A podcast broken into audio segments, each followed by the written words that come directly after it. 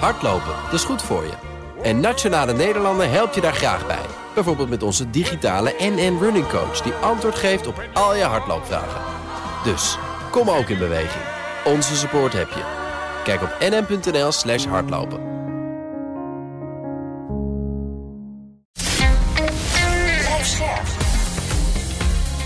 BNR Nieuwsradio.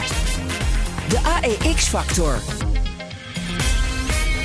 Wesley Weerts, Jelle Maasbach. Jazeker, de AX-factor, de podcast voor de slimme belegger. We zijn er weer. Elke week een nieuwe gast die je bijpraat over beurzen, beleggen en vermogen opbouwen. En deze aflevering is dat Nico Inberg van De Aandeelhouder. Goed dat je er bent.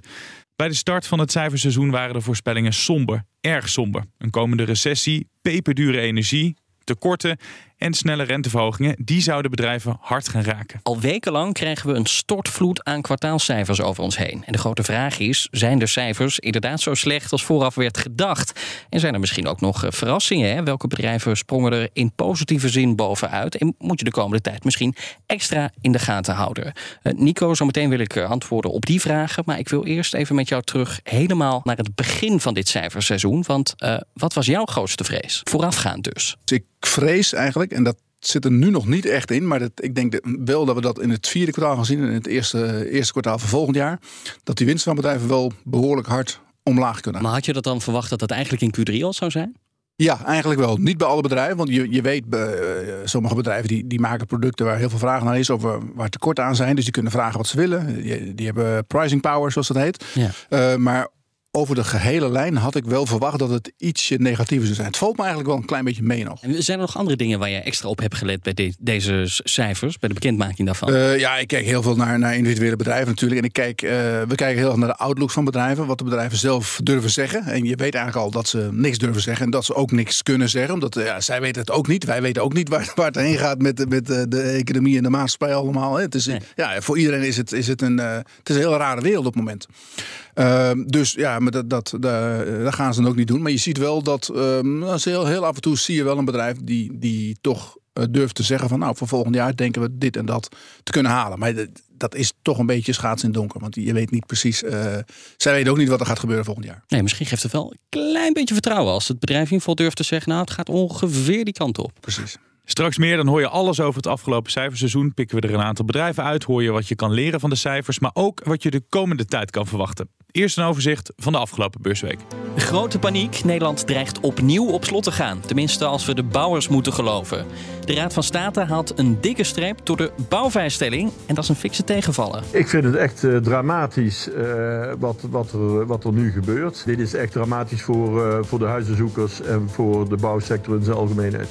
Joe Biden is helemaal klaar met de grote olie- en gasreuzen die gigantische winsten maken, waaronder Shell. Last week Shell announced that it made 9.5 billion dollars in profits for the third quarter. 9.5 billion. That's almost twice as much as it made in the third quarter of last year. Give me a break. Enough is enough. De Fed heeft voor de vierde keer op rij de rente flink verhoogd. The problem for the market now is what else are they going to really say to get the market notably higher? We're already trading nearly 17 times forward earnings with no change in the earnings estimates of about $230 for next year. Nu Lula het stokje overneemt van Bolsonaro als president van Brazilië en belooft de Amazone te beschermen, is de weg vrij voor een handelsdeal met de EU. Experts verwachten dat er een economisch handelsblok ontstaat. There is no doubt that the election of the 77 year old trade unionist back at the helm of Brazil will provide an impetus from a political level in terms of EU Brazilian relations, which have been tarnished over past years. De inflatie is in oktober iets gedaald ten opzichte van de maand ervoor. De prijzen stegen met 16,8 procent tegen ruim 17 procent de maand ervoor. Nog steeds erg hoog en nog geen reden voor een feestje, zegt het CBS. Een reden voor een vreugdelsje, dat lijkt er me nog niet. Want nee. ja, ook 16,8, en dat is nog bijzonder hoog. En die van de vorige maand, dat was uh, nou, naar, uh, waar het op lijkt, misschien wel het hoogste inflatiecijfer van na de oorlog. Ja, en dit is dan de, de tweede plaats. Dus het is een opluchting dat het niet nog verder is gestegen. Maandag was de laatste dag van oktober en de Dow Jones sloot die maand bijzonder goed af. The Dow rose nearly 14% to have its best month since 1976 and best October on record, now trading at 32,732. En ING gaat voor maximaal anderhalf miljard euro aan aandelen inkopen. Tegen het advies van DNB in, maar tot vreugde van beleggers. Over de cijfers van ING en die aandeleninkoop straks meer. Eerst over ander nieuws van de bank. ING is mogelijk opgelicht toen het in 2018 fintechbedrijf Payvision overnam. De oprichters van het fintechbedrijf zouden de prijs hebben opgepompt. En daar doet het OM nu onderzoek naar, meldt het FD. Klinkt niet heel lekker, Nico, als je de bericht zo uh, leest. Nee, nee, ik hoorde toevallig Steven van Rijswijk, heet die geloof ik. Hè? Die, Ja. die hoorde ik bij jullie in de uitzending, 's ochtends vroeg bij Bas van Werven. En, eh, want hij was toen eh volgens mij risk officer. Zo was die, ja. En dus, die, ja, Bas had hem, had hem eigenlijk een beetje klem. Want hij zei van ja, ik weet het allemaal niet weer. Maar toen was je toch risk officer? Ja, ja, ja. Dus dat kwam er niet helemaal goed uit. Maar ik, ik weet niet of ze daar nog wat... Kijk, er valt voor ING natuurlijk niks terug te halen. Ik neem aan, het geld is weg. Dus eh, ja, daar ver- verwacht ik weinig van. En eh, het was al duidelijk dat dat een mislukking was, geloof ik. Hè? Ja, dat was Dus al ze snel al, duidelijk. eh, maar, nu, maar nu weten we ook dat het, dat het wel meer was dan een mislukking. Want Ja. ze zouden de prijs hebben opgepompt, die oprichters. Hoe, hoe kan, je, kan je zoiets doen? Of hoe hebben zij dat? dat, Ja, dat maar die deden toch betalingen van pornosites of zo? Heb ik dat goed? Zat de klant in de porno, crypto en gokindustrie. dat is wel een bijzonder klantenbestand. Dat zijn dingen waar ik verder helemaal niks mee te maken heb. Maar het woordje porno valt Nico in Berg. Hij wordt wakker. ik, ik wist dat ik er nog iets van wist. Maar eh. zo- zonder, zonder gekkigheid, Nico, als je ziet dat dat de klanten zijn. Ja. Je doet toch ook als ING wel een boeken, boekenonderzoek. En dan Nou, zie je die, die types die er toch tussendoor komen. Je, je moet je voorstellen, in die tijd, en toen wilden de banken, die waren heel erg bezig met fintech. Die werden heel erg op de huid gezeten van, eh, joh, eh, er komen allerlei nieuwe partijen aan, nieuwe start-ups. En ING was een partij hè, onder die, hoe die eh, meneer Hamers. Ralf Hamers, ja. Die, die stond bekend als Mr. Fintech, zeg maar. Die was heel erg van, nou, wij zijn de meest eh, digitale bank. En, en eh, daar stonden ze zich op voor. Dus die waren heel erg bezig met als er wat ontstond rond hen heen, dat zij als eerste erbij waren. Dat ze dan, wat ze dan heel, heel vaak deden, die banken, dat als er ergens een start-up ja, succesvol was, dan gingen ze die snel overnemen. Betaalden ze te veel voor, maar dat, dat doe je vaak. Hè. Dat deed Facebook ook met, met eh, WhatsApp destijds. Dus als je het wil hebben, moet je te veel betalen. En dan hadden ze het, hadden ze die, die technologie in huis en dan konden ze daarmee verder. Dus dat was een beetje. Ik, ik denk dat ze, ze veel te preoccupied waren met van we, we, ja, we moeten een aantal van die partijen overnemen om mee te kunnen doen. En dan onder druk neem je dus dit Ja, soort... eh, nemen verkeerde beslissingen. En ik, ik geloof best dat die jongens, kijk, als ze hadden gezegd van ja, we verdienen met name geld aan pornosites, dat ze bij ING zeggen, nou dan gaan we eh, een deurtje verder kijken. Maar eh, ze hebben natuurlijk niet alles gezegd, neem ik aan. Ze wilden te snel deze deal hebben. Dus ze denk zagen ik, ja. een lekker hapje en ze hebben niet Ja. eerst gekeken... kunnen we een klein beetje ervan eh, van, van, van proeven. Het was de grootste aankoop van ING sinds de kredietcrisis. Ja. Faalt het toezicht bij ING dan? Ja, dit was natuurlijk geen goede aankoop. Maar ik- je moet dat een beetje plaatsen in de context van die tijd. Dat zij heel erg bezig waren om zich in te vechten in die fintech-wereld. En dat ze dachten van nou, dit is iets wat we kunnen kopen. Hè. Dit eh, eh, zag er waarschijnlijk heel succesvol uit. Zo hebben ze het waarschijnlijk ook verkocht natuurlijk. Die jongens die hebben dan natuurlijk een mooi verhaal opgehangen. Maar ja, je, je kan wel zeggen dat ING beter uit zijn had moeten kijken. Ja, ING heeft al een gigantische boete natuurlijk in het verleden betaald. Dat was ook onder eh, toezicht van Hamers. Ja. Ze zeggen ook, het kan een boete worden, maar die kunnen we leien. Wat vind je ervan als ze hier weer een boete over moeten Ja, hij deed daar heel laconiek over. Van, eh, nou, we hebben wel geld. En ik bedoel, überhaupt met die, met die aandelen inkoop. Ik ben daar ook niet zo'n fan van. Dat ze nu opeens voor anderhalf miljard, mind you, in twee maanden tijd dat gaan inkopen. Dus het geeft, hè, die koers ging ook gelijk 6, 7 procent hoger. Niet op basis, basis van de cijfers. Maar omdat iedereen weet, oh, er komt een hele grote koper in de Ja. markt. En eh, ik weet niet of ze daar een boete voor krijgen voor zoiets. Want het hele bedrag is neem ik aan al afgeschreven voor Pvision. Ehm en als ze gewoon een domme aankoop hebben gedaan, ja, dan daar krijg je geen boete voor. Maar die, die cijfers, zagen die er goed uit? Nou, op zich oké. Hey, Maar als ik ING was, zou ik iets, iets voorzichtiger zijn geweest met het eigen aandelen inkopen. Omdat je, eh, kijk, misschien valt het mee. Hè? eh, En is er niks aan de hand en hebben we een lichte recessie. Maar misschien valt het tegen. En dan wil En je komen er heel veel faillissementen. Dan heb je wat vet op bot. Dan van de banken naar de bouwers. Bouwen, bouwen, bouwen. Ja, en dan? Bouwen, bouwen, bouwen. Ik bedoel, wat, wat gebeurt er dan als we dat doen? Ja, dan wordt woningtekort opgelost. Ja, maar van het bouwen daar komt even weinig van terecht. Want het juridische slimmigheidje om ondanks de stikstofuitspraak uit 2019 toch verder te kunnen bouwen, ja, dat kan niet door de beugel. Dat vindt de Raad van State. En die haalt daarom een streep door de zogeheten bouwvrijstelling. En het gevolg daarvan is dat duizenden projecten mogelijk vertraging oplopen. Het is een beetje een complex en technisch verhaal. Eh, Maar Nico, wat verandert er feitelijk door deze uitspraak? Nou, niet zo heel veel. eh, tenminste op korte termijn. Wat, wat er aan de hand is nu, is dat zij voor elk project wat je dan opstart, moet je nu afzonderlijk berekenen hoeveel stikstof je uitstoot. Hè? En dat gaat om hele kleine dingen. Stel, jij wilt een huis bouwen. Dan moet jou, jouw aannemer, die moet dan zeggen van oké, ja, ik kom dan met een, eh, met een dieselvrachtauto en, en eh, dit en dat allemaal. En eh, dat gaat ongeveer, ongeveer zoveel stikstof opleveren. En dan moet je dan ergens anders weer goed maken. Dus dit het project waar het om ging, Porto's, wordt nu, dat wordt nu afgeschoten. Ja, dat was het Rotterdam. Ik hoorde die volle broek op de radio en die zei van ja, dat is toch al een waardeloos project. Want eh, ja, waarom moet de overheid de, de CO2-afvang voor, voor Exxon en Shell regelen? Nou, ja, maar lo- dat is wel een goed punt eigenlijk. Goed, maar los daarvan heeft, kan dit wel effect hebben op he- duizenden andere bouwprojecten. En Die kunnen hierdoor wel vertraging Ja, oplopen. ja nou goed, en dat is, dat, maar dat, dat, dat, dat zit natuurlijk ook al he- helemaal in die bouw. Omdat eh, ja, die bouwers die, die, die hebben het er al jaren over. Of jaren, niet overdrijven. Maar dat, dat de, de, met name de lagere overheden moeten die vergunning afgeven. De provincies en de gemeentes. En die durven niet. Nee. En nu, waar ze nu tegenaan lopen, is dat voor elk project moet dus afzonderlijk een berekening worden gemaakt. En nu hebben ze niet de mensen om dat te berekenen. De, de gemeentes hebben gewoon een tekort. Iedereen heeft tekort aan personeel. Ja, en ook de gemeente. Ook de gemeentes. En die hebben die mensen niet die die berekeningen eh, kunnen doen. Dus ja, dat betekent nog meer vertraging. Nou kwamen er deze week kwamen er ook cijfers van Heijmans en BAM. Ehm, maar daar had eigenlijk niemand het meer over. Werd het een beetje overschaduwd door deze uitspraak door de Raad van State? Ja, ik, ik, eh, we kijken, woensdag was geloof ik, eh waren de cijfers van Heijmans. En Ja. eh, ik bel altijd even 's ochtends met Heijmans. Kijk, wat, wat, of wat meer informatie, maar die even, even praten over de cijfers. En eh, nou, het gaat eigenlijk best goed met Heijmans. Ze hebben alles goed onder controle. Maar dat, die cijfers werden helemaal overschaduwd door die uitspraak. Om, die kwam om half tien, tien uur geloof ik. En daarna hebben ze nog En, een persbericht, eh, nog een tweede het- persbericht Toen ging het aandeel 6, 7, 8, 9 procent omlaag. Ja. En ehm, ja, daar, daar kunnen zij verder ook niet zoveel aan doen. Maar goed, het- wat, wat, wat je nu ziet bij die bouwers is dat zij... eh, Want ik hoor trouwens net van Jelle dat hij een huis gekocht heeft. Daar ben ik hartstikke blij mee. Want Ja, die houdt in zijn eentje nog die markt omhoog. Maar zij, ja, zij zien heel, heel duidelijk dat er minder was. Zij hebben het niet over de, de huizen die van het een op het ander gaan. Maar de nieuwbouwwoningen. Want daar gaat Ja. het eigenlijk om. Die, die dragen bij aan de, de, de economie, zeg maar. Als een huis van A naar B gaat, dan maakt dat verder niet uit. Maar nieuwe woningen, die worden wel een stuk minder verkocht. Dat is, dat, het is nu wel een stuk rustiger, omdat het toch iedereen wel mee te maken heeft dat de rente is hoog. Hè? Hypotheekrente 4, 5 procent tegenwoordig. Ehm, energielasten worden meegerekend. Dus eh, er wordt nog gekeken van, nou, je kan dan minder financieren. Het consumentenvertrouwen is heel erg laag. Dus dat speelt allemaal mee, waardoor de, de consument eh, iets voorzichtiger wordt. Of misschien wel een stuk voorzichtiger wordt. En voor die bouwers betekent dat eigenlijk dat ze de, de pijplijn voor over een jaar, anderhalf jaar, dat die nu iets minder gevuld raakt. Ja, want even samenvattend. We begonnen met die uitspraak van de Raad van State. Daar hadden ze eigenlijk al een beetje op voorgesorteerd, die bouwers. Ook in hun outlook, voor- qua, vooruitblik.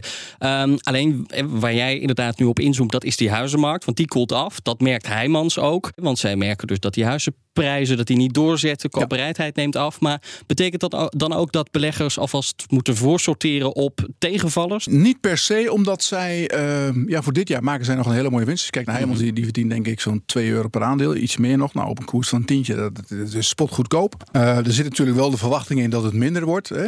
Dus met, met huisbouwen zie je dat de inputkosten omhoog gaan en de verkoopkosten waarschijnlijk wat omlaag. Maar ehm, er is gewoon nog heel veel werk ook. Er is heel veel werk ook in andere sectoren. Eh, infra is heel veel werk van de, van de, de overheden. Dus de wegenbouw, noem maar op. Maar wat dacht je van de kantorenmarkt? Die, die kantoren moeten per 1 januari ook allemaal een ander labeltje hebben. En daar komt ook heel veel werk los. Maar wel tegen een hogere prijs. Aan verduurzaming. Nou ja, gaat dan- dat ten, koste van de, ten koste van de marges ook? Ehm, dat hoeft niet per se. Ehm, kijk, de kosten voor, voor eh, materialen en dergelijke, die berekenen ze gewoon door. Dus je moet wel oppassen als jij een, een prijs afgeeft voor de bouw van een huis over een jaar. En je krijgt weer 18% eh, inflatie of eh, wat het, eh, s- eh, 16,9. Ja, dan, dan, en je geeft de vaste prijs af. Ja, dan, dan, dan gaat het mis. Dus je, je moet ja, dat soort dingen wel meerekenen in je, in je berekening. En dan moet je gewoon zeggen van nou, de, de materialen berekenen we dan. Of die krijgen tegen een prijs X plus de inflatie van dit jaar. En jij zegt eigenlijk er is werk in overvloed, maar dat is al langer zo. En wat we zagen gebeuren de afgelopen jaren is dat die beurzen, nou die, die, die schoten omhoog, hè, als we het over een iets langere periode bekijken. Maar dat feestje dat hebben die bouwbedrijven eigenlijk grotendeels gemist. Want die koersen die zijn altijd, die zijn in ieder geval nooit hersteld van, eh, eh, voor, de, voor de crisis. Hoe, hoe komt Ja. het dat die achterblijven? Nou, de, de, de- ja, dat zijn eigenlijk, als we dan over de bouwbedrijven hebben, we hebben het eigenlijk over BAM en Heijmans. Dat zijn allebei wel, eh, met name BAM is een geval apart, hè, want daar, daar kwam het ene lijk uit de kast naar de andere. Nou, ja, die dat, vi- de Fiat die daar nu de binnen Fiat inval weer, maar in principe heeft het bedrijf de, de boel aardig opgeschoond. Alleen er lopen nog een, een paar dingetjes. Afsluitdijkproject hebben ze extra geld gekregen. Eh, maar goed, nu, nu met die Fiat inval denken heel veel beleggers van ja, ik, ik loop wel een deurtje verder. Want eh, ik wil eerst weten wat het gaat kosten. Het grapje. Maar Heijmans bijvoorbeeld, eh, die, dat aandeel heeft een stuk hoog gestaan. Heeft eh, 16, 17 euro gestaan. Dat staat nu onder een tientje. Omdat die, die verwachting er opeens in komt van... hé, hey, we komen in een recessie en die huizenmarkt gaat afkoelen. Dus ja, maar dat is, eh, dat is een verwachting die nu in het aandeel zit. En eh, tot nog toe laat Heijmans zien dat het niet zo is. Tenminste, dat het misschien wel gaat gebeuren. Maar dat zij voldoende werk hebben en dat ze, dat ze geld verdienen. Terug naar het eh, cijferseizoen. Als jij, Nico, het cijferseizoen een cijfer zou mogen geven, wat geef je het dan? Nou, toch wel. Kijk, ik, ik, zei, ik zei net al, het valt me niet tegen allemaal. Ehm, er zijn best bedrijven die, die het nog aardig doen. Tuurlijk, inflatie speelt bij heel veel bedrijven een grote rol. Dus, maar ik zou, eh, nou, ik zou een 6,5 geven, denk ik. Een 6,5 Dat is wel mooi keuren. Ja. Daar was ik vroeger blij mee. ja, ik. Dat was- ja, ja, Ja, jij zei- vijf, vijf en een half was ik al zeker blij mee. Als het me afgerond een zesje was. Nou, maak een 6 plus van. 6 plus. Nou, dat, eh, dat ziet er allemaal netjes uit. Ehm, dat is in zijn algemeen als je kijkt naar de Nederlandse, Nederlandse bedrijven. Of had je het over de Ja, nee, nee, nee. Ik kijk met name naar, de- ik kijk wel naar de Amerikaanse bedrijven. Daar zijn de uitslagen vaak eh, enorm. Hè. We hebben bijvoorbeeld Facebook gezien of eh, Meta heeft Ja. tegenwoordig. Dus dat ging min, min, min eh, ik geloof min een kwart op de eerste dag. En Klopt, daarna ja. ging het ook nog een beetje lager. Je zegt dat alle big tech aandelen op Apple na, die gingen omlaag. Apple ging eh, een week later alsnog omlaag. Ehm, dus daar zit, maar daar zit ook nog veel lucht in, denk ik. Wat er nu langzaam uitloopt. Maar eh, ik denk voor de Nederlandse bedrijven, ja, ik ben zelf niet. eh nou, ja, ja, links en rechts er wel tegenvallers te zien, maar ook wel bedrijven die het best aardig doen. Maar het viel dus wel mee omdat de tegenvallers er nog aan moeten komen. Zeg je dat dan goed? Ja, nou ja, dat, dat zit een beetje in. Kijk, als een eh, beetje ingewikkeld verhaal, maar als, als een. Bijvoorbeeld DSM, die gaf, die gaf een bepaalde outlook. Die zegt van, ja, we eh, groeien dit jaar met, eh, dan noemen ze dan high single digit. Nou, laten we zeggen 7%. Nou, dat hebben ze in, in augustus gezegd. Nou, nu komen ze in oktober zeggen, ja, valt toch wat tegen. Voor dit jaar, het wordt low single digit. Dus laten we zeggen 3%. Nou, betekent dat in die, in die paar maanden tijd, afgelopen maanden tijd, dat dat ineens is omgeslagen. En dat gaat dan over het hele jaar. Dus als je dan in één keer over het hele jaar van 7% naar 3% gaat, ja, betekent eigenlijk dat het laatste kwartaal dik gaat tegenvallen. Anders ga je niet zo hard omlaag. Dus en als je het doortrekt naar het volgende jaar. Hè, stel nou dat, het- dat het vierde kwartaal, dat ze nu al zien dat dat een stuk. Want we zijn al een maand, we zijn al, eh, al, al een dikke maand op gang. Dus ze, ze weten al het een en ander. Als ze nu aanzien komen van jongens, het wordt nu al echt een stuk lastiger dan eh, ja, moet je dat eigenlijk wel een klein beetje doortrekken ook naar, naar het eerste halfjaar van, van volgend jaar. Je ziet bij heel veel bedrijven voorraadafbouw. De vraag neemt wat af. Ehm, ja, dan kan het maar zo zijn dat het volgend jaar toch wel een beetje lastiger wordt. Van Gaal riep altijd, hè, we zijn de beste Ja. van Europa. Zijn die Nederlandse beursbedrijven ook de beste van Europa? Hoe doen wij het Nou, met andere, andere De beste van? Europa is, is, vind ik moeilijk te zeggen, omdat ik niet alle Duitse, Franse en Engelse bedrijven volg. Je ziet wel dat in Engeland, eh, dat is een geval op zich, het gaat gewoon niet goed in Engeland. Hè. Dat hebben we gezien met Kamikaze en, en eh, eh, hoe het is ook alweer, Liz Truss. Ja. Nou, die is, al, die is al lang weer weg. Maar Brexit heeft ze wel, eh, eh, heeft ze wel wat, eh, ja, dat laat wel zijn sporen na. Maar onze Nederlandse bedrijven hebben, hebben één groot voordeel. En dat is dat wij heel internationaal zijn, waardoor de dollar, kijk de dollar is enorm gestegen. Die is, als je het vergelijkt met een jaar geleden, denk ik 20% aangetrokken. En ehm, onze, onze bedrijven, de, de, de gemiddelde bedrijven op de, de Nederlandse beurs, werken heel internationaal. Dus als jij eh, je kosten maakt in Nederland. En eh, bijvoorbeeld ASML. ASML maakt zijn kosten, nou niet helemaal in Nederland, maar voor een, een groot deel in Nederland, Mhm. eh, in Eindhoven. En die verkopen internationaal. Hè. ASML verkoopt in Nederland helemaal niks. Dus alles wat ze verkopen gaat in dollars. Betekent dat dat zij veel meer geld binnenkrijgen. En, en een deel van de kosten die blijft in euro's. Dus ehm, dat zul je, want aankomende week komen de cijfers van, van Ahold bijvoorbeeld. Nou, eh, die zit ook voor 70% in Amerika. Dat ja, houdt eigenlijk de winst nog wel behoorlijk op peil. En dat is juist het tegenvallen bij de Amerikaanse bedrijven. Want, want al die grote big tech, eh, eh, Microsoft, Google, noem maar op allemaal. Die halen natuurlijk ook over zee heel veel inkomsten binnen. Maar die moeten zij andersom afrekenen. Ja, Dus die, krijgen, ge- die verdienen geld in euro's, moet naar dollars toe. Dus dat is gewoon 20% minder. Over de VS gesproken, grofweg driekwart van de S&P 500 bedrijven overtrof de verwachting van analisten. Terwijl we heel veel slechte cijfers de afgelopen weken hebben gehoord. Ja. Dit is toch al ook Dus een uh, meevaller. Het valt daar ook eigenlijk mee. Misschien, misschien waren de analisten, hadden die al wat, wat te veel negativiteit ingeprijsd. Ah, waren die cijfers dan zo goed of de verwachtingen nu zo laag van die analisten? Ehm, denk een beetje van beide. Dat, dat, dat het, eh, bij veel bedrijven ook nog wel een beetje meevalt. Hè. Het hangt een beetje vanaf in welke sector je zit. Maar veel, bijvoorbeeld de energiemaatschappijen, die, of, eh, de, ja, de shells van deze wereld. Dat hebben we net gehoord van, van opa Biden. Dat, dat, eh, dat die nog heel veel geld verdienen. En die verdienen extreem veel geld. Nou, dat zit ook in die totale pot van bedrijven die geld verdienen. Hebben zij dan ook de grootste positieve bijdrage geleverd aan dit cijfer? Oh, zeker weten. Als ik, eh, ja, niet alleen Shell, maar en, en Shell had nog een tegenvallend kwartaal zelf. Ja. BP en Exxon had, had geweldige Exxon, cijfers. ja. Dus je ziet die olieprijs ook weer aantrekken nu. Er komt nu natuurlijk een probleem aan met de, eh, diesel. Dus we gaan die Russische olie, die wordt, die wordt gekapt straks. En die wordt per, geloof 5 december is dat, dat die niet meer komt. Hoop dat die stoomboot nog net kan komen. Maar dan is het, daarna is het afgelopen met de diesel. Ja, en dat betekent dat die olieprijs waarschijnlijk weer omhoog gaat. Ja, maar zitten we hier dan te kijken naar stilte voor de storm of blijft hij uit? Moeilijk te zeggen. Hij, hij, kijk, de, de, de centrale banken, die, eh, dat is het rare, die waren de afgelopen jaren altijd bezig om de boel aan te jagen. Niet alleen inflatie aan te jagen, maar ook de economie aan te jagen. Ons, ons te laten consumeren. En uh, nu, nu moeten ze precies het omgekeerde doen. En, en wij, het gaat nu precies. Uh, ja, ze krijgen ons maar niet onder de knie, zeg maar. Ze krijgen de, ons er maar niet onder. De, de, de, de consument die blijft, ondanks alles, ondanks dat we straks een enorme hoge energierekening krijgen en dat alles hartstikke duur wordt, mensen blijven geld uitgeven. En, en beleggers, blijven die nu ook een beetje geld uitgeven? Nu het meevalt, stijgen die beurskoersen ja, ook weer? mm, Je zag natuurlijk, kijk, je zit iedere keer met die rentebeslissingen, dan uh, ja, zie je dat die beurs, hè, de, de, de beurs die wil wel, beleggers die willen wel, maar iedere keer komt die, die centrale bank weer langs en die, die slaat ze weer neer, als het ware. Maar toch denken we wel, ja, we, we lopen natuurlijk ook tegen het einde van het jaar. Dan wordt het weer allemaal ietsje positiever. De beurs die loopt eigenlijk een half jaartje voor. Dus uh, het kan ook zo zijn dat de beurs daar overheen kijkt. En dat we straks met de schrik vrijkomen. Dat het, uh, als het weer een beetje rustiger wordt. Hè, zijn natuurlijk wel afhankelijk van de energieprijzen en, en van alles wat er in Oekraïne gebeurt. Nou, als dat een beetje meevalt. Als de beurs een half jaar vooruit loopt, dan liggen er nog hele mooie cijfers in het verschiet. Ja, dat kan. Maar goed, ik weet ook niet wat er over een half jaar gebeurt. Dus het is, het is nu het is hartstikke lastig op de beurs, maar dat maakt het ook super interessant. Een van de grote zorgen voor dit cijferseizoen lag bij de grote techbedrijven. Uh, hè, want hoe zouden die presteren? Maken ze alle beloftes waar? Waren de zorgen terugkijkend terecht? Ja, Facebook was wel een raar verhaal, maar dat, dat uh, we hebben daar toevallig afgelopen week een uitgebreid artikel over geschreven in ons uh, magazine. Maar die, die, uh, wat je daar zag is dat Zuckerberg, die wil heel graag investeren in de in de metaverse. In de metaverse. En daar zijn zijn beleggers niet zo blij mee. En die willen dat niet bepaald. Echt, ongelooflijk. Ze hadden over het afgelopen kwartaal, want het is een enorm winstgevend bedrijf, echt niet te geloven. Hadden ze, ik weet niet of ik de cijfers exact heb, maar ze hadden iets van, van, van 9 miljard aan winst. Maar daarvan hadden ze 3,7 7 miljard hadden ze, hadden ze weggebracht aan investeringen in de metaverse. Dus die, die winst die viel uh, uiteindelijk verdiende geloof ik 1,64 per aandeel.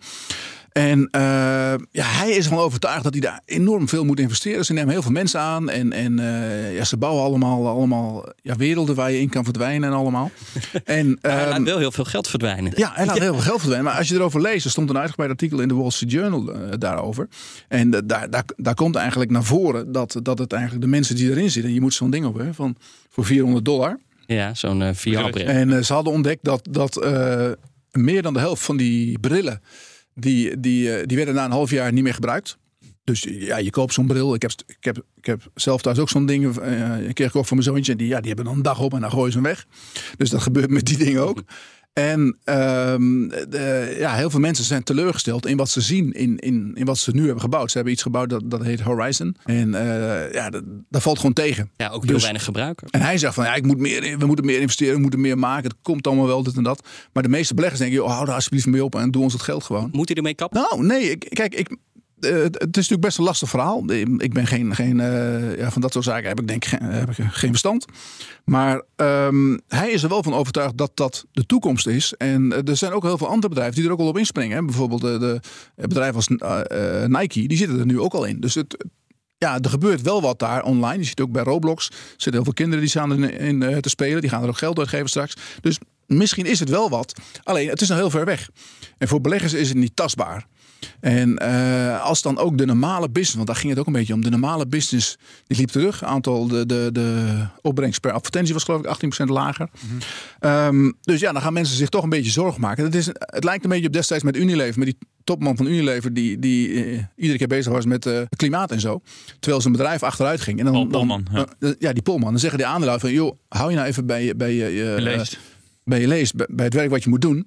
En nu hebben ze met die Zuckerberg, zegt men ook van joh, iets minder aandacht graag voor die metaverse. En je moet zorgen dat je bedrijf goed loopt, want we zien dat die inkomsten dalen. Ja, want dan zou je kunnen zeggen, Nico, is de concurrentie uh, van TikTok, is dat het grootste gevaar? Of is dat de CEO die ook nog eens toevallig de machtigste aandeelhouder is en niet tegen te spreken is. Nee, ja, die dat, denkt, ik kan, lekker, ik kan lekker uitgeven. Ja, daar komt er een beetje op neer. En uh, kijk, die, die, dat zie je vaak met die, met die oprichters. Hè. Dat zie je bijvoorbeeld in Nederland met Takeaway ook. Die, uh, die weten vaak heel goed hoe het moet. Uh, maar als het, als het ja, niet goed gaat, dan moeten ze ook de rest overtuigen van hun visie. En daar heeft die Zuckerberg altijd wel moeilijkheden mee gehad om, om zijn aandeelhouders te vertellen van jongens, we gaan die kant op Daar is het geld te verdienen. En bedoel, eerlijk is eerlijk, ja, tot nog toe heeft hij alles wel goed gedaan. Ik weet nog dat hij toen eh, in het begin, toen maakten ze zich ook heel veel zorgen om Facebook. Omdat ze eh, op, op de mobiele telefoon niks, niks konden eh monetizen. Maar alles is wel goed gegaan. Het is een enorm bedrijf. Alleen nu gaat er echt heel veel geld naar de metaverse. Ik weet nog eh, toen eh, Facebook naar de beurs ging, uit mijn hoofd eh, 36 dollar. Op een gegeven moment stonden ze op 18 dollar. En toen Ja. zeiden ze hier bij BNR tegen mij, ik moest toen die gesprekjes allemaal boeken. Moeten we daar nog wel een analist op boeken? Want dat Facebook, ja, hoe groot gaat het nog worden? Ja. En dan was ik een beetje, niet dat ik de verstand van had, maar ik zei, jawel, daar moeten we aandacht aan besteden. Dat Ja. ging het later heel goed doen. En ook met, eh, toen die Instagram kocht, dat heel veel mensen zeiden, dat gaat hem niet worden. Maar dat vonden ze veel te duur. Ja, ehm, maar dit zijn natuurlijk, dit is een apart dossier wat jij al zei, hè, Meta. Maar er waren nog meer van die tech-grootheden die met cijfers eh, kwamen. Microsoft, Alphabet, eh, Apple, Amazon. Ja. Eh, Meta was niet de enige die met dubbele cijfers verloor op de beurs. Ook die grote reuzen werden afgestraft. Het was niet bepaald het kwartaalseizoen van de, van de techbedrijven. Nee, nee dat, het waren eigenlijk de bedrijven. Kijk, die, je ziet in die, dat in die Amerikaanse technologie sector zijn heel veel bedrijven hard afgestraft. Hè. Met name de, als je kijkt naar de Nasdaq 100 en die, die, die bedrijven daar aan de onderkant. Daar zijn echt enorme slachtingen geweest van 60, 70, 80 procent lager. Ehm, maar Big Tech eh, deed het op zich nog redelijk goed. Alphabet deed het goed. Apple natuurlijk heel erg goed nog steeds. Ja, de verwachting was eigenlijk dat van... oké, nou, eh, nu komen die bedrijven met cijfers. Die hebben het ook moeilijker. Die hebben last van die hoge dollar. Hoe gaat dat, hoe gaat dat vallen? Ja, het leek wel een beetje het laatste zetje... wat de Nasdaq nodig had om te dalen. En dan heeft Apple natuurlijk altijd wel het vierde kwartaal. Of ja, zij werken met een gebroken boek. Ja, maar Ja. ons eh, vierde kwartaal, zoals we het zien, de laatste drie maanden van het jaar. Dan verkopen ze meestal nog wel wat van die dingetjes onder de kerstboom. Ja, heel veel. Heel veel. Heel veel. Dus die kunnen nog wel goed doen. Wat gaat de rest de komende tijd doen? Trekken die een beetje aan ook? Eh, nee, het, het wordt wel lastig, denk ik. Je ziet, dat, eh, je ziet ook dat deze bedrijven hebben natuurlijk voordeel gehad in de coronatijd. Heel veel bedrijven en particulieren hebben al die investeringen gedaan in de coronatijd. Hebben nieuwe schermen gekocht of nieuwe computers. Dus dat wordt allemaal een klein beetje minder. En dan moet je ook nog afwachten of we echt in een recessie komen of niet. En als dat, als het wel gebeurt, ja, dan, dan krijgen ze daar ook een tik van. We hadden het over de, de big tech, ook eerder over die energiebedrijven. Nog even eh, tegenover deze techreuzen staan die oude fossiele Ja. reuzen, Shell, BP, ExxonMobil. Maar die oudjes eh, die gaan het, eh, die doen het nog steeds goed. Die winsten zijn astronomisch hoog. Ehm, maar doen ze ook slimme dingen met dat geld? Dat is de vraag. Hè? Kijk, je ziet met Shell bijvoorbeeld, eh, laten we die maar bij de kop nemen, die gaat heel veel eigen aandelen inkopen. Nou, Mhm. Kijk, iedereen zegt natuurlijk Shell. Ehm, de- ja, je weet dat die, die, die energiesector die gaat veranderen. We gaan over op zon- en windenergie. heel veel wordt elektrisch. En daar moeten zij ook een partijtje meeblazen. Doen ze ook wel nu. Je ziet Shell nu adverteren bijvoorbeeld met, eh, met laadpalen. Ehm, alleen, eh, iedereen zit maar te hameren op, op, op het, het feit dat Shell en al die bedrijven... dat die, dat die eh, ja, zich moeten ja, bekeren tot een, de nieuwe energiewereld. Alleen, de, de vraag naar oude energie is gewoon nog heel erg hoog. En ik denk dat er, dat er in het verleden, in de afgelopen jaren, veel te weinig is geïnvesteerd in dit soort eh, energiebronnen. Ondanks dat men heel graag van olie af wil, is de, de wereld is er gewoon nog niet aan toe. Maar was het dan niet nu slimmer? Hè? Want als, je kunt zeggen, als het financieel ooit een gunstige tijd was om bijvoorbeeld een bedrijf die in de groene energie zit te kopen, dan is het nu om te vergroenen. Wa- was dat niet een betere besteding geweest Nee, dan het geld de aandeelhouders? Dat, dat, dat, dat, dat is inderdaad zo. Alleen, ik weet niet precies hoe die bedrijven denken. Maar zij denken van jongens, het, het, het, eh, gaat niet van de ene dag op de andere. Eh, die bedrijven in de, de, nieuwe energiewereld, die verdienen eigenlijk nog niks. Er, valt niet heel veel te verdienen nog. Die, eh, die prijzen moeten nog hoog. Of de, de kosten moeten eigenlijk nog, nog meer omlaag. En zij kunnen nu, hè, want ik neem aan dat ze gewoon nu een aantal jaren hele goede jaren tegemoet gaan.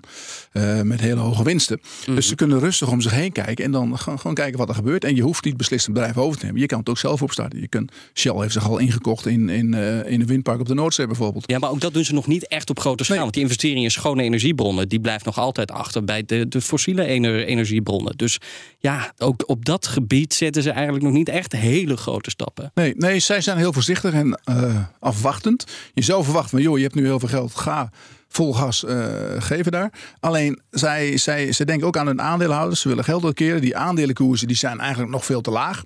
Dus ja, eh, ze doen eigenlijk en-en.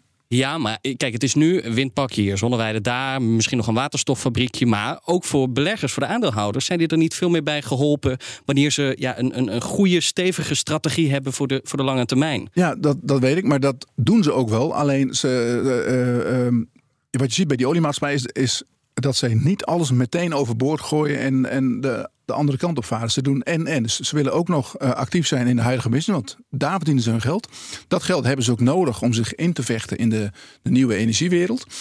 En zij zijn er echt van overtuigd, en ik eigenlijk ook, dat het nog, nog jaren voort zal duren. Dat ze nog heel veel, heel veel olie gaan verkopen en heel veel gas gaan verkopen. Want gas, eh, daar hebben wij in Nederland ook een enorme misrekening mee gemaakt. Wij dachten van, nou, we moeten van het gas af.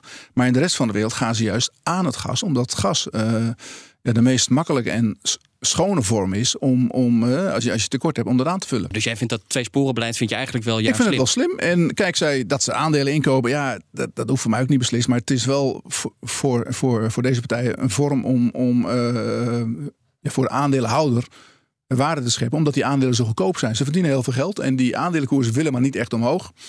Eh, zodat ze door eigen aandelen in te kopen, kunnen ze heel veel. Hè, de, de toekomstige winsten, die hoef je dan te verdelen over, over minder aandelen. Dus voor de aandeelhouder is het eigenlijk heel goed. Ik had het net over die eh, oude oliereuzen, over een oude sector gesproken, de banksector. We gaan er allemaal af, hè? Die gaat ook, ja. Hier- hierna komt voedsel, ga ik alvast Ja, ja. Ja, en daarna? Nee, we hadden het, eh, dan krijg je nog wat tips. Nee, we hadden het net, net over, eh, over ING, maar ik ben benieuwd hoe die andere banken het doen, want ze kunnen eindelijk gaan profiteren van die hoge rente. Ja. Ja, er zit Tot wel zover de positiviteit. Nee, nee, nee. Maar daar daar heb je- ik denk dat je daar gelijk in hebt. Alleen er zit wel een vertraging in. ING zei dat zij de, eh, de hogere rente, dat zit dan, ja, dat zoals dat noemen, loopt door hun boeken heen. Daar hadden ze nu extra winst door. Maar met, met name volgend jaar gaan ze geloof ik 1,2 miljard extra verdienen daardoor. Door die hogere rente. En eh, in 2024 ook nog. Dus dat, dat zit eraan te komen. Dus ehm, ja, voor de banken eh, is een sector die je nu, eh, even afgezien van het feit of we, we wel of geen recessie krijgen.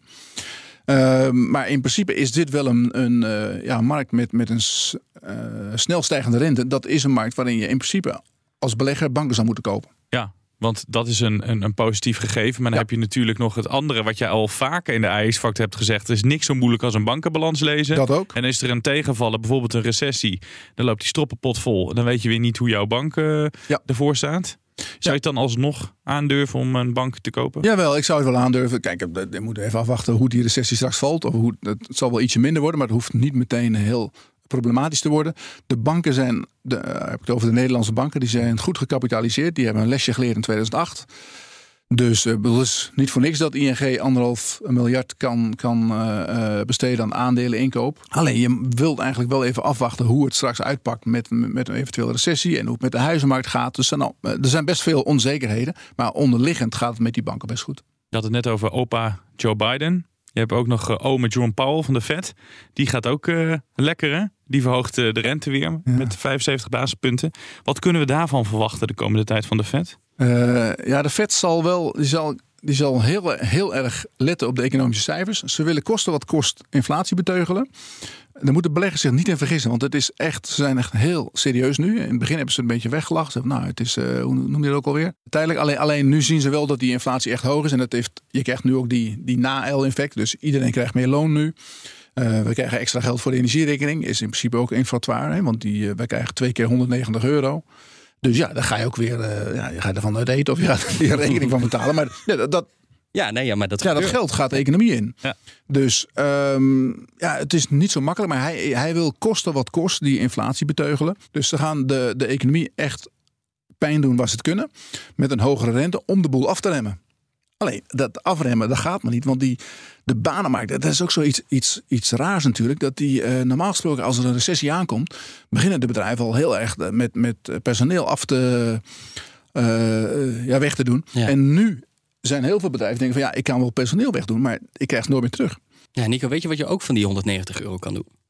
Heel Nou? veel eh, chips en cola kopen. En dat is wat wij ook nog steeds doen. Oh, leuk bruggetje zeg. Ja, dan komen we bij, bij, het, eh, bij het kopje voedsel. Want eh, kijken we naar bedrijven als Nestlé, Procter Gamble, Unilever, PepsiCo. We blijven daar gewoon frisdrank en chips kopen. Ben je, ben je verrast door die grote prijsmacht van die bedrijven? Want dat Ehm, was ook een kritiekpuntje natuurlijk de ja. afgelopen jaren. Ja, nou ja, je, je ziet ook wel dat die hebben ook heel erg met inflatie te maken. En die weten het heel goed door te berekenen. Ja. De, de, ik, ik denk wel, hè, als je verderop in, in het jaar komt volgend jaar... en we gaan echt een recessie in... dan gaan mensen van... Ik hoor nu al van heel veel mensen om me heen die zeggen van ik ga niet meer naar de Appie. Ik doe een boodschap bij de Lidl of bij de Aldi, want ik vind het veel te duur. Het is ook bij Albert Heijn is niks meer onder de 2 euro te krijgen, mijn idee. Dat is allemaal, het is echt, Ja, eh, het is echt nog smaakpiek duur allemaal. Potje pindakaas voor 6 euro, nou dat gaat nergens over. Maar die, die, die, eh, die bekende merken, die weten nog steeds redelijk goed hun prijzen te handhaven en hun, hun in- inputprijzen te, eh, eh, ja, te compenseren, zeg maar. Maar hoe komt dat? Nou, om, omdat, omdat wij dat blijven kopen. Ja, maar ja, je zou denken op een gegeven moment eh, stappen we inderdaad over op de helaas pindakaas in plaats van de Ja. Pindakaas. Maar dat doen we kennelijk toch nog niet echt op grote schaal. Nee, daarom zeggen de consument, en dat is heel raar. Ik had laatst een gesprek met, wat hoor ik nou van. Was de directeur van Sligro was dat. Hè? Die, die, eh, ja, die doen foodservice. Die, die leveren aan de restaurants. En die, die, die, die, hebben echt niks onder de 2 euro. Want je moet in Nee, hele nee, grote maar goed. verpakkingen kopen. maar die, die zei ook van, oké, het consumentenvertrouwen is laag. Iedereen klaagt steen en been. Maar iedereen loopt te shoppen en te kopen en te doen. Overal is hartstikke druk. Als je, eh, laatst hadden we een concert van Coldplay. Hè? Uitverkocht. Ehm, als je naar een restaurant gaat, een hotel, hotelkamer in Rotterdam, kost 300 euro. De, de, die bedragen worden allemaal opgehoest. Dus we geven dat geld uit op een of andere manier. En eh, ja, dat geld gaat de economie in. Dus het blijft, de economie die, die blijft nog steeds aan de gang. De hoogste financiële man van PepsiCo die zei van ja, het zijn stressvolle tijden natuurlijk voor, voor veel mensen. Hij moet het product ook een beetje verkopen. Dus hij zei Ja. van eh, we hebben ook behoefte aan een soort van betaalbare luxe. En ja, dan is een, een, eh, een reep chocola Ja, ja. is misschien wel duurder dan dat huismerk, eh, die huismerk chocola. Maar het is nog steeds relatief betaalbaar. Zit, zit daar wat in? Goed verhaal. Ja, goed. va- Ja, goed. Ja, heeft ze, ik denk ingefluisterd door het marketingteam. Maar wat, Ja, nee, nee, maar ik, ik, ik, kijk, die, wat, je- wat je vaak ziet met, eh, weet ik veel, die, die, die CEO's die als het goed gaat met ze, dan, dan rekenen ze dat vaak naar zichzelf toe. Dan hebben zij of een goed product of het is. eh, Als het slecht gaat, dan ligt het niet aan ze hem. hebben het goed gedaan. Nou, dan ligt er aan de economie van de Ja, inflatie. ja. hè, Dus dat, dat is makkelijk. Maar misschien is dat zo, ik weet het niet. Ik, ik denk dat, ik zie nog steeds om mij heen veel mensen, ik hoor iedereen klagen. Ik klaag zelf ook veel over de hoge prijzen. Maar we geven nog steeds geld uit. Ja, en in de supermarkt dus flink voor die merken. Maar hoe zit dat op de beurs? Hangt er nu ook een flink prijskaartje aan die aandelen? Nee, eh, totaal niet. De nee? beurs is, eh, dat is het rare met, met, eh, in deze wereld. Alles is eh, eh, duurder geworden, behalve aandelen. En dat heeft ook te maken met de rente. Hè? Want eh, bedoel, op de beurs wordt alles gespiegeld aan de prijs van geld. Dat is rente. En als de rente omhoog gaat, dan gaan de aandelen in principe omlaag. Tenminste, eh, je, je vergelijkt aandelen met, met, met de rente. Eh, als je 4% kunt maken op een Amerikaanse staatsobligatie, die zijn zogenaamd veilig. Dan, als je dan aandelen koopt, dan wil je wel 8 of 9% maken. Want anders, ja, waarom zou je anders niet je geld veilig in, in een. Je, je loopt extra risico. Dus daarom heb je een soort re-rating gezien van aandelen, met name technologieaandelen, omdat daar zegt men de winsten liggen in de toekomst. Eh, dus nou, die worden met een hogere rente verdisconteerd, waardoor je een, hu- een lagere contante waarde krijgt. Nou, dat zit nu ingeprijsd in de beurs. We hebben dat, die re-rating gehad van, van 1% naar nu 4%. Misschien gaat het nog een beetje hoger. Dus als eh Powell die re- rente straks op 5% zit of 5,5%, dan zul je nog een keer een soort re-rating zien. Maar aan de andere kant zijn er bedrijven die het eh, ook in deze tijden best goed doen.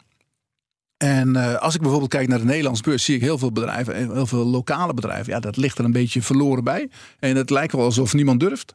En iedereen heeft natuurlijk, afgelopen jaren was het heel hip om in, in, in, in de apples en de alfabets te beleggen. Eh, ja, daar heeft iedereen nu een snee in zijn neus opgelopen. Maar er zijn best veel, ja, lokaal gezien, vind ik althans, eh, ja, bedrijven die het, die het op zich goed doen. En die opeens een stuk goedkoper zijn geworden. Heb je namen en rugnummers? Eh, altijd. Nou, kom maar Nee, op. nee, maar er zijn er genoeg. Eh, toevallig, we zijn nu bezig met een rapportje met acht aandelen die, waarvan wij denken dat ze, dat ze overgenomen kunnen worden. Daar kan ik nog niks uit zeggen. Maar nou, ik, ik vind bijvoorbeeld, ik had het net over Sligro. Ehm, die, die doen het nu weer net zo goed als in 2019. Die koers staat nu 14,5 euro. Die stond toen tussen de 25 en de 30. Ehm, ja, maar men wil het niet. Men vertrouwt het niet. Men denkt van, oh, er komt een recessie. Weet je wel. Maar, maar het leven gaat wel door, hè? We hebben heel erg teruggekeken. Nou, jij verklapt al eh, één aandeel of, of een naam dat, dat, dat we in de gaten moeten houden. Zijn er nog meer aandelen voor de luisteraars waarvan jij zegt op die aandelen moet je letten of op die sectoren moet je de komende tijd eh, gaan letten? Ja, er zijn er genoeg. Ik vind, ik vind ja, gek genoeg, ik begrijp het wel, de, de sceptisch ro- rond de bouwaandelen. Maar als je kijkt naar Heijmans, die hebben de boel heel goed onder controle. Doen geen rare dingen meer. Hebben al, al aantal jaren achter elkaar goed geld verdiend. Gemiddeld 2 euro per aandeel de afgelopen jaren. Ja, er staat vijf keer de winst. Wat moet je daar verder nog van zeggen? Dat kan ook niet veel lager. Kijk naar Shell.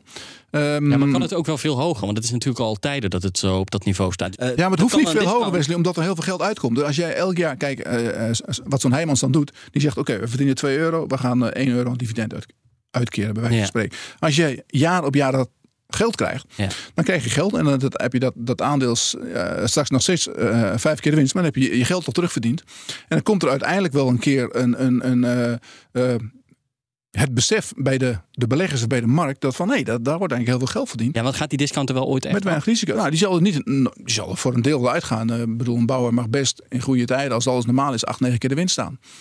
Dus ehm, en zo, zo zijn er wel meer. Er zijn ook wel technologiebedrijven. Als je kijkt naar TKH Groep, eh, ja, bedrijf uit, uit eh, Haagsbergen geloof ik, doen het ook heel erg goed. Ehm, wordt ook niet gewaardeerd. Staat nu rond de 35 euro.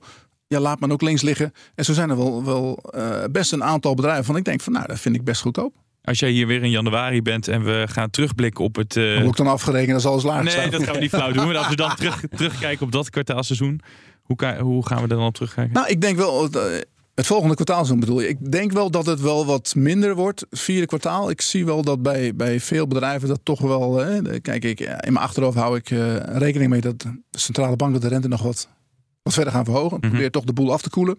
Ehm, als je energieprijzen niet zakken, worden mensen toch wel wat voorzichtiger, denk ik. Dus ja, ik, ik ben niet. niet eh, die winsten zullen niet omhoog gaan, denk ik. Vierde kwartaal wordt wel ietsje voorzichtiger. Maar eigenlijk, als ik het samenvat, het ontbreekt dus een klein beetje aan lef bij veel beleggers op dit moment. Nou ja, dat is ook logisch natuurlijk, omdat die beurs zo hard gedaald is. Heel veel, heel veel mensen hebben echt hun neus gestoten. Ja, maar je laat ook kansen liggen. Bijvoorbeeld technologieaandelen. Ja, maar je moet dan wel wat geld hebben. hè. Als mensen eh, eh, ja, Facebook hebben gekocht op 300. Of wat heeft er gestaan? 338 geloof ik. Mhm. En er staat nu 100. Ja, daar kan je wel bij willen kopen. Maar als je ze toen al hebt gekocht. Of je hebt ze gekocht in de rit omlaag. Dus het moet eerst weer een klein beetje herstellen. En dan moet ik, er is ook wel heel veel negatief sentiment overal. Hè? Er, wordt ook, eh, er is ook, laten we eerlijk zijn, er is ook heel veel aan de hand in de wereld. Maar ondertussen leven we wel door. Ja, maar als je een zakje chips kan kopen, kan je ook bijna een, een aandeeltje Heijmans kopen. Bijna. Dankjewel Nico eh, Inberg van de aandeelhouder. Dat jij wel positief was, hè, ondanks Altijd. het negatief eh, sentiment. Nou, dit was hem, de AX-factor van deze week. Eh, Nico, aan het begin vroegen wij aan jou welk eh, cijfer je de kwartaalcijfers gaf. Welk cijfer geef je deze uitzending? Een 10. Mooi. en de rest ook. Luister de rest ook terug. Vergeet je niet te abonneren en dan zeggen wij... Tot volgende week. Hardlopen, dat is goed voor je. En Nationale Nederlanden helpt je daar graag bij. Bijvoorbeeld met onze digitale NN Running Coach... die antwoord geeft op al je hardloopvragen. Dus, kom ook in beweging. Onze support heb je. Kijk op nn.nl slash hardlopen.